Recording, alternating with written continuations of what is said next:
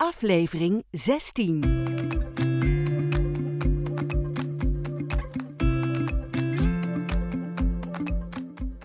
Dit is een podcast van Advocaten, Familie en Erfrecht met Inge Diepman en Joost Dix. Welkom bij de achtste aflevering van serie 2 van De Erfrecht Advocaat. Dat is een serie over alle ins en outs rondom de erfenis. In de eerste serie stond de meest gestelde vraag centraal. In deze serie gaan we uit van een casus.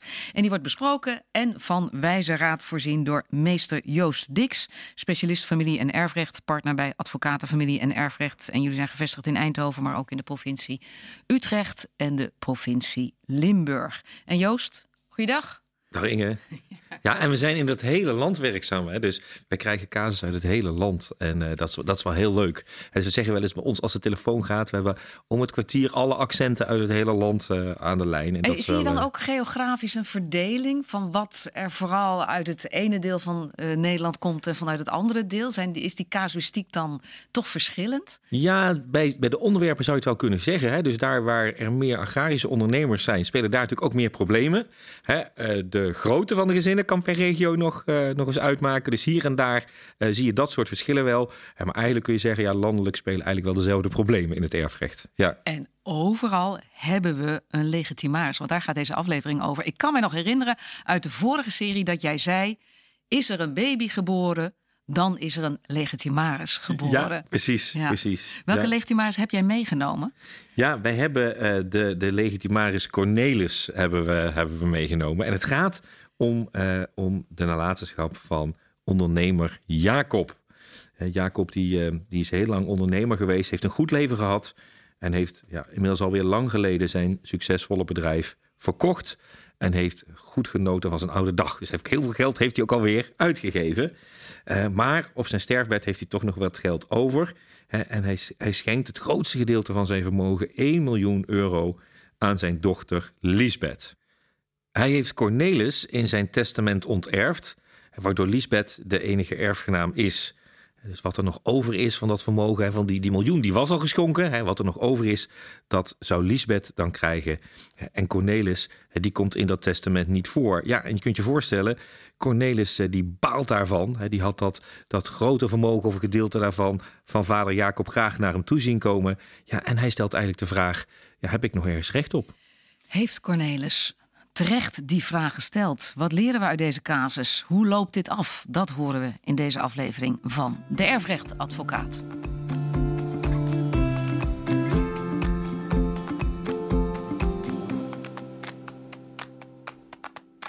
Om te beginnen, Joost. Dit is ook, hebben we besproken in de vorige serie. is ook aan bod gekomen in de vorige serie. Maar uh, heb ik het goed begrepen? Ook als vader, bij wijze van spreken, met dik gedrukte hoofdletters in zijn testament zou hebben gezegd: Zoon Cornelis is onterfd. Dan, heb ik geleerd uit de vorige serie, dan nog krijgt de zoon een deel van de erfenis. Is dat een juiste conclusie? Ja, dat klopt ongeveer wel. Hè. Dus in een testament kun je een kind impliciet onterven hè, of expliciet. Impliciet, hè, dan benoem je gewoon anderen. En expliciet, daarin zeg je: Mijn zoon Cornelis erft niet. Dat is heel duidelijk opgeschreven. Maar in beide gevallen heeft het hetzelfde effect. Dus dat kun je opschrijven. Je kunt iemand onterven. Maar dan is er ook nog de wet. En de wet zegt: ja, er is een beperking aan de testeervrijheid, hè, zo noemt de wetgever dat dan. Een beperking aan hetgeen uiteindelijk de uitwerking van je testament is. En de wet zegt, zelfs als je onterfd bent als kind, dan kun je nog zeggen, ik val terug op de wet en ik doe een beroep op een legitieme portie. Daar word ik geen erfgenaam mee. Je wordt geen erfgenaam, je wordt dan schuldeiser van de nalatenschap. En dan krijg je, simpel gezegd, de helft van wat je als erfgenaam gehad zou hebben.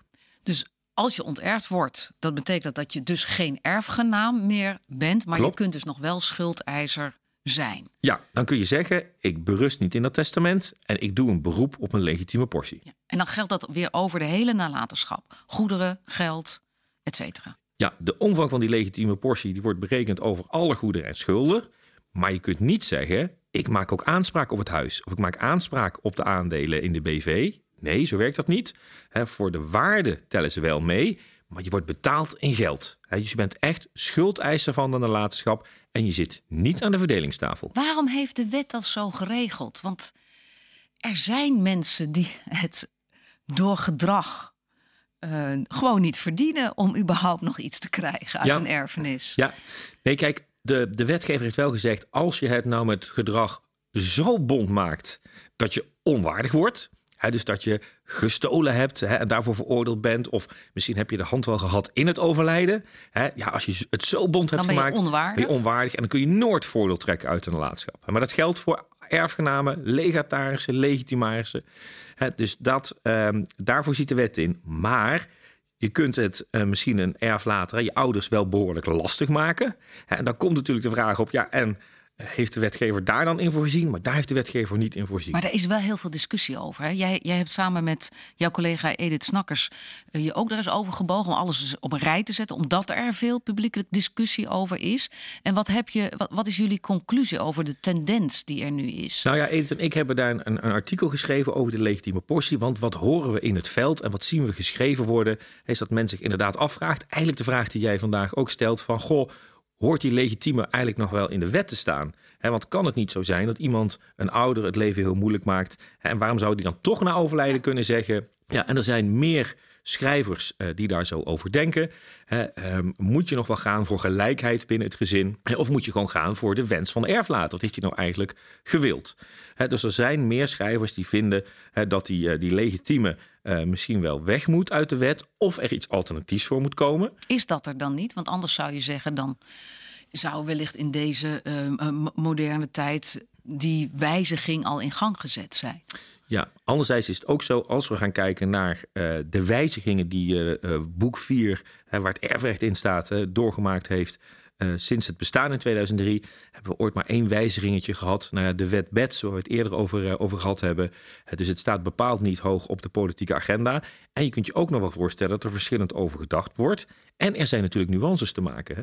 Want elke ouder, zou je zeggen, hè, heeft de verplichting hè, om voor een kind te zorgen tot 21ste levensjaar. En stel nu bijvoorbeeld die ouder die overlijdt voor dat 21ste levensjaar. Zou er dan niet, hè, zeggen schrijvers, hè, zou er niet een voorziening getroffen moeten worden uit die nalatenschap, hè, wat op zo'n verzorgingsaanspraak lijkt? Ja, maar dan, dan, zeg je, dan laat je dat lopen, gelijk de leeftijd hè, tot wanneer de zorgplicht opgeheven wordt, dus tot, tot de 21. Dus dan ben je tot je 21ste legitimaris. Zo kun je zien, hè, een soort legitieme light. Hè, daar kun je alles bij voorstellen. Ik heb daar niet een hele particuliere visie op. Hè, van moet die legitieme er nou in? Maar je ziet dat die discussie wel speelt. Die discussie speelt. En, um, en we weten natuurlijk hè, dat er in de praktijk, hè, in, in onze dagelijkse erfrechtpraktijk, weten we gewoon dat er ook heel veel discussies zijn over die legitieme. Nou, vooralsnog is iedereen bij geboorte legitimaris. Um, hoeveel krijgt in dit geval de zoon? Oftewel, is het een recht toe recht aan makkelijk sommetje wat je moet maken? Ja, kijk, wat hier natuurlijk vooral speelt, is dat um, vader Jacob, um, hè, want zo heet hij dan, ik hoor het mezelf nu ineens zeggen. Je mag erbij gaan zingen hoor, als je wil. vader Jacob, die, um, die denkt, nou ja, ik ga al voor mijn overlijden, hè, dus op dat sterfbed, die miljoen schenken. En ik ga Ehm, mijn zoon Cornelis onterven. Dus misschien heeft hij wel in gedachten gehad: uh, ja, um, Lisbeth krijgt alles en Cornelis die staat helemaal buitenspel. Maar dan maakt hij twee denkfouten. De ene denkfout is dat dat testament dus niet alles bepalend is, maar dat Cornelis dus kan zeggen: ik doe een beroep op mijn legitieme. En de tweede denkfout die gemaakt wordt, is dat die legitieme niet berekend wordt over dat restje wat er nog over is. Nee, die legitieme wordt ook berekend over die miljoen euro dus hier zou het sommetje luiden. we pakken die miljoen, daar tellen we bij op hetgeen in de laadschap zit. daar berekenen we uh, de legitieme portie over. En we laten het breukdeel los uh, wat daarbij hoort. dus normaal zou die de helft gehad hebben, de twee kinderen. er is geen, uh, geen partner meer van Jacob, dus twee kinderen. en nu krijgt hij dus een vierde. de helft van de helft, een vierde van een miljoen plus wat er nog in die nalatenschap zit. En stel dat hij ook overleden is, maar hij heeft kinderen. En die, hè, die, komen, die, die, die wonen ook al heel erg lang heel ergens anders, hebben nooit wat van zich laten horen. Want dat is meestal eh, in dit geval zo. Ja. Maar die duiken dan toch ook op. Gaat, dat dan, uh, gaat die legitieme portie over op die kinderen? Ja, dat werkt zo. Hè. Dus uh, dat noemen we dan, stel is Cornelis is al voor overleden. Hè. Dan zegt de wet, ja, dan vervullen die de plaats hè, van het vooroverleden kind. Hè. Dus legitimarissen in de wet kunnen alleen maar zijn kinderen of kleinkinderen. En niet partners of zo, die hebben allemaal geen legitieme portie. Maar in dit geval is uh, Jacob overleden. Het is niet zo dat er dan een, een, een brief wereldwijd uitgaat uh, om uh, de, de, nou ja, de verloren zoon, bewust verloren zoon, op te sporen, Cornelis. en Lisbeth denkt. Nou, dat geld is van mij. ik besteed dat bijvoorbeeld aan het opzetten van een bedrijf of aan een flinke verbouwing of aankoop van een nieuw huis. En dan duikt Cornelis ineens op. Ja, we hebben het de vorige, in de vorige serie gehad over de jungle in Brazilië. Hè? Ja, dat was dat, de jungle in Brazilië, weet je nog? Ja. Dus we hebben gezegd, nee, je moet als legitimaris wel een beroep doen op die legitime. Het werkt niet automatisch. En de wet zegt, ja, de mogelijkheid om dat beroep te doen vervalt hè, vijf jaar na overlijden. Dus vijf jaar en een dag ben je te laat. Dus je moet een beroep doen en het maakt dan niet uit of je wist dat iemand overleden was. Daar wordt niet naar gekeken. Dus en, en vanuit uh, Lisbeth bezien, snap ik jouw vraag ook goed. Van goh, moet Lisbeth nou maar vijf jaar gaan zitten afwachten hè, tot Cornelis iets doet? Ja, Lisbeth kan nog zeggen, ja, ik wil dat niet afwachten. Ik ga jou nu een redelijke termijn stellen. De wet zegt, een belanghebbende kan een redelijke termijn Wat is stellen. redelijk dan? Ja, dat is, dat, is, dat is ook weer een prachtige vraag. Je hebt de een naar de andere. Hè, maar ja, redelijk, hè, dan kijken we naar de omstandigheden van het geval. Bitter weinig jurisprudentie over wat redelijk is. Hè, maar naar redelijk wordt gekeken van hoe lang na overlijden wordt bijvoorbeeld de termijn gesteld. en eh, nou ja, dat soort omstandigheden, daar wordt naar gekeken. Uh, maar het is niet twee weken. Uh, soms kan drie maanden redelijk zijn, soms wat langer. Je moet een redelijke termijn stellen. en als, de maar dan moet Liesbeth naar de rechter? Nee, dat kan gewoon met een bericht. Je moet dan wel kunnen aantonen dat dat bericht ontvangen is. En dan stel je die termijn en dan zeg je... Goh, je hebt nu, ik zeg maar wat, nog een half jaar de tijd... om je uit te laten of je een beroep wil doen te legitimen. En als dat dan niet gedaan wordt, dan vervalt de legitieme dan. Dus dan kun je er geen beroep meer op doen. Als Liesbeth jou had ingehuurd als Everett-advocaat, is dat dan ook het eerste advies wat je geeft? Ja, dat ligt er helemaal aan. Want Liesbeth kan ook zeggen: Goh, misschien weet mijn broer wel helemaal niet van die legitieme. En als jij dan dat briefje stuurt, dan ben je een slapende hond aan het wakker maken. dus dat hangt er helemaal van af. Um, um, wat, wat uh, precies haar belang is.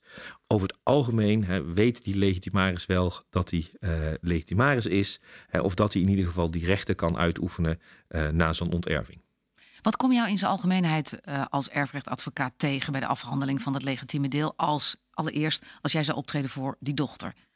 Ja, wat, wat, natuurlijk, wat die dochter natuurlijk heel snel ziet gebeuren, is dat dan zoon zegt: Goh, ik heb enige afstand van erflater. Ik weet helemaal niet waar we het over hebben. Wat is die omvang en samenstelling van de nalatenschap? Laat mij eens even alle papieren zien. Laat mij eens even maar mag zien. dat dan? Want hij is geen erfgenaam. Ja, hele terechte vraag. Hè. Een erfgenaam heeft natuurlijk hè, het recht hè, om al die stukken in te zien. Op grond van de seizoen, maar ook op grond hè, van de regeltjes van de gemeenschap. Hè, als er tenminste meer uh, erfgenamen zijn, dat is hier niet.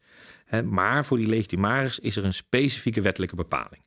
Hè, dus is een specifieke wettelijke bepaling voor de fijnproevers, artikel 78 van boek 4. Dat zegt, die legitimaris krijgt alle stukken die hij nodig heeft om zijn vordering te berekenen. Hè, dus dat kan voor Liesbeth best een tegenvaller zijn, want die heeft eigenlijk gelezen aan het testament: Goh, uh, hij is helemaal geen erfgenaam. Uh, en nu zegt hij: Ja, ik doe een beroep te legitiem. En dan wil ik ook nog eens even zien uh, hoe die relatie in elkaar steekt. En misschien wil ik wel terug naar het verleden, want misschien zijn er nog wel meer schenkingen gedaan dan alleen die miljoen. En misschien is dat, dat enorme vermogen van vader ook wel opgegaan aan andere schenkingen aan Lisbeth. En die zou dan ook meetellen. En als jij als erfrechtadvocaat zou optreden voor de zoon, dan ga je op zoek naar de papieren. Ja, precies. Hè? Dus dan eh, zal de zoon vooral de opdracht geven: doe een goed beroep de legitieme hè, en ga voor mij aan de slag. Hoe ziet die nalatenschap eruit? En bereken voor mij die legitimaire aanspraak. Hoe is het hier afgelopen? Ja, hier is het. Uh, hier soms, is het... soms heb je een hele leuke afloop van een casus. Wordt het nog wat tussen Cornelis en uh, zijn zus Lisbeth? Of ja, is het op zich, ruzie? Nou ja, op zich is het hier best wel wat geworden. En niet elke casus loopt verkeerd af. Nee, dat loopt hier goed af. Kijk, ze hadden natuurlijk allebei maar te doen hoe Jacob het bedacht heeft. En Lisbeth die wist in haar achterhoofd best wel. Cornelis kon nog eens om de hoek komen.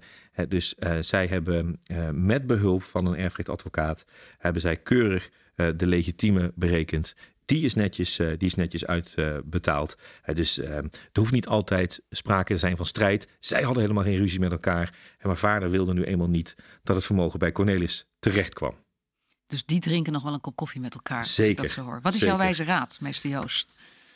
Ja, de wijze raad is: ja, je moet je altijd realiseren dat naast het testament we ook nog de wet hebben. Dat is heel goed om, uh, eh, om je te realiseren. En sommige bepalingen uit de wet, ja, die zijn nou eenmaal van dwingend recht.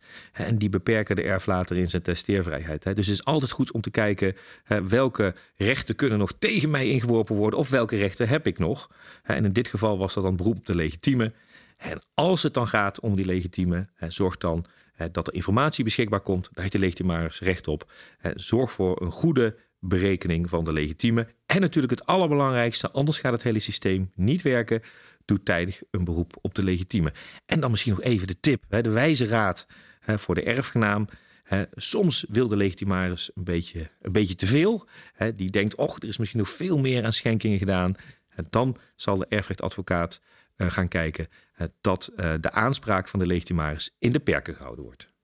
Joost, dank je wel. Het is fascinerend elke keer om tegenover jou te zitten als we het hebben over erfrecht. Want niet alleen je stem doet mee om uh, te vertellen over deze casus en dit onderwerp. Alles doet mee. Het is waanzinnig leuk om door jou onderwezen te worden. Dankjewel Joost, tot de volgende keer. Voor wie niet alleen wil luisteren, maar ook wil lezen over dit onderwerp, ga naar familie-erfrecht.nl. Dat is de website van Advocaten Familie en Erfrecht. Daar is ook alle informatie te vinden.